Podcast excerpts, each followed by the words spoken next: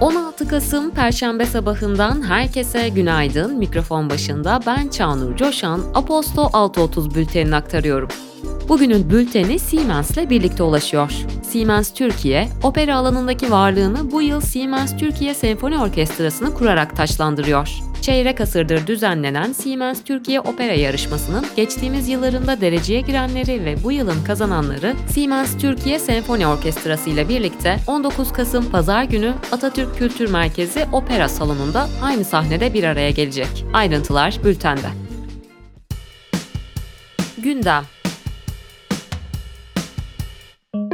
Çalışma ve Sosyal Güvenlik Bakanlığı, sosyal medya üzerinden yapılan paylaşımları ve lüks hayata dair gönderileri, içerikleri inceleyecek ve buna bağlı olarak içerik üreticilerinden bilgi alacak. Oda TV'de yer alan habere göre 600'e yakın sosyal medya fenomeni kapsamlı şekilde incelenecek ucuza araç sattıklarını söyleyerek dolandırıcılık yapan ve güven kazanmak için mağdurlarla yaptıkları görüşmelere Bahar ve Nihal Candan kardeşleri de çağırdığı iddia edilen örgüt yöneticisi ve üyelerinin yargılandığı davada mütalaa açıklandı. Örgüt lideri Eren Koç'un 400 yıldan 1328 yıla kadar hapiste cezalandırılması talep edildi.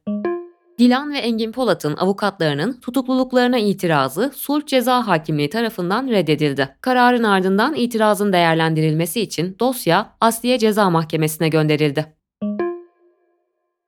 Adalet Bakanı Yılmaz Tunç, Anayasa Mahkemesi'ne bireysel başvuruya ilişkin, bireysel başvuru hakkını biz getirdik, geriye dönmek gibi bir durum söz konusu olamaz dedi. Cumhurbaşkanı Erdoğan, AK Parti grup toplantısında yargı krizinin çözümüne ilişkin yeni anayasa çağrısını tekrarladı. CHP'yi de eleştiren Erdoğan, bu ülkede darbe veya kalkışma olsa en büyük destekçisi CHP olacaktır dedi.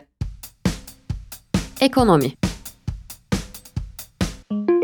BİSAM verilerine göre açlık sınırı Ekim ayında 13 bin liraya dayandı. Yoksulluk sınırı ise 1000 liranın üzerinde artışla yaklaşık 45 bin lira oldu. Merkezi yönetim bütçe dengesinde Ekim ayında 95,5 milyar lira açık kaydedildi. Ocak-Ekim dönemi bütçe açığı toplam 608,1 milyar liraya ulaşırken faiz dışı açık ise aynı dönemde 70,4 milyar lira oldu. Hazine ve Maliye Bakanı Mehmet Şimşek, yeşil ve yenilikçi dönüşüm firmalarına öz kaynak finansmanı sağlamak amacıyla Türkiye Yeşil Fonu adında yeni bir fon kurulacağını duyurdu. Türk İş Genel Başkanı Ergün Atalay, asgari ücret görüşmelerine katılacak heyette 4 işçiye yer vereceklerini duyurdu. Çalışma ve Sosyal Güvenlik Bakanı Vedat Işıkan, konuyla ilgili olarak çalışanlarımızı enflasyona ezdirmemek bizim için en temel ilke olacak. Tabii ki her tarafı dinleyeceğiz. Sosyal diyalog bizim en önemli iletişim aracımız dedi. İş dünyası ve teknoloji Şikayet var verilerine göre 2023'ün ilk 10 ayında sipariş edilen ürünün göründüğü gibi çıkmaması en çok çözüm bekleyen konu oldu. E-ticaret sektöründe şikayetlerin zirve yaptığı ay ise %68 oranında artışla Kasım. Birleşmiş Milletler Kalkınma Programı, Türkiye'nin depremden etkilenen 11 ilinde küçük işletmelere 10 milyon dolar tutarında toparlanma hibesi dağıttı. İsveç tarafından finanse edilen program, 4600'den fazla işletmenin faaliyete geri dönmesine destek olmayı hedefliyor. Tesla Model 2'nin Türkiye satış fiyatının 1 milyon liranın altında olacağı değerlendiriliyor. T24'te yer alan habere göre 160 kW ve altı araçlara %10 vergi uygulanması nedeniyle Türkiye'ye vergisiz girişinin 21 bin dolar seviyesinde olması beklenen aracın 800 bin liraya satışa sunulma ihtimali bulunuyor. Airbnb, Siri'nin kurucu ortağı Adam Cheyer ve CMA Colgett'ın kurduğu yapay zeka şirketi Game Planner AI firmasını 200 milyon dolara satın aldı. WhatsApp'a ait sohbet, fotoğraf ve video yedeklemeleri Aralık 2023'ten itibaren Google Drive depolama alanında yer kaplayacak. Karar 2024'ün ilk yarısından itibaren kademeli olarak tüm Android cihazları etkileyecek. TikTok, Spotify, Apple Müzik ve Amazon Müzik entegrasyonunu duyurdu. Buna göre kullanıcılar sosyal medya platformunda dinledikleri şarkıları artık abone oldukları müzik oynatma platformundaki çalma listelerine ekleyebilecekler. Politika İsrail, Gazze'deki en büyük hastane olan El Şifa'nın içinde operasyon düzenlediğini açıkladı. Gazze'deki Sağlık Bakanlığı'nın sözcüsü, İsrailli yetkililerin Gazze'li yetkilileri arayarak ilerleyen dakikalarda El Şifa'ya bir baskın düzenleyeceklerini söylediklerini aktardı. İran'ın dini lideri Hamaney'in Hamas yetkililerine 7 Ekim'de İsrail'e yönelik düzenlenen saldırının kendilerine haber verilmemesi nedeniyle buna karşılık biz de bu savaşa girmemeye karar verdik dediği aktarıldı. Reuters'ın konuya yakın üst düzey kaynaklardan aldığı bilgiye göre İran Hamas'a siyasi ve manevi desteğini sürdürecek ancak savaşa dahil olmayacak.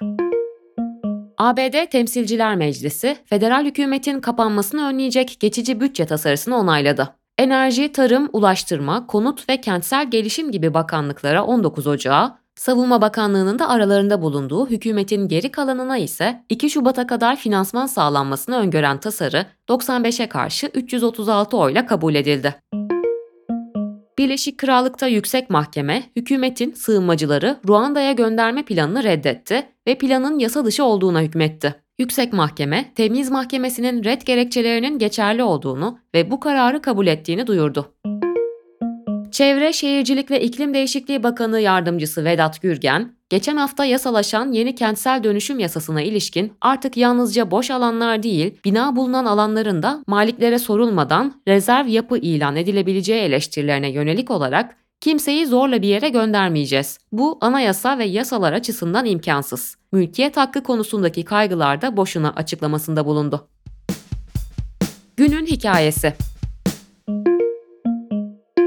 14. maddenin kapsamı netleşirse bugün bunları tartışmazdık. Sevgili ilkim emirler sizler için kaleme aldı. Yargıtay'ın ve Cumhurbaşkanı Erdoğan'ın açıklamalarının ardından yeni bir tartışma gündeme geldi. Anayasa değişikliğinde AYM'yi etkileyecek düzenlemeler yer alacak mı? Anayasa değişikliğinde bireysel başvuru hakkı ne şekilde revize edilecek? Konuyu anayasa hukukçusu Sönmez Küçük ile konuştuk. Yargıtay AYM krizine ilişkin sorularımızı yanıtlayan Sönmez Küçük, hem bundan sonraki süreci hem de anayasa değişikliğine ilişkin öngörüleri değerlendirdi. Detaylar bültende. Sevgili dinleyenler, bugün 16 Kasım Perşembe. Aposto Radyo'da ben Çağnur Coşan 6.30 bültenini aktardım. Ve bugünün bülteni Siemens Türkiye ile birlikte ulaştı. Sesimi duyan herkese güzel bir gün, haftanın geri kalanı için de kolaylıklar diliyorum. İstanbul'da bugün hava yağmurlu olabilir, dikkat etmenizi öneririm. Tekrar buluşmak dileğiyle, hoşçakalın.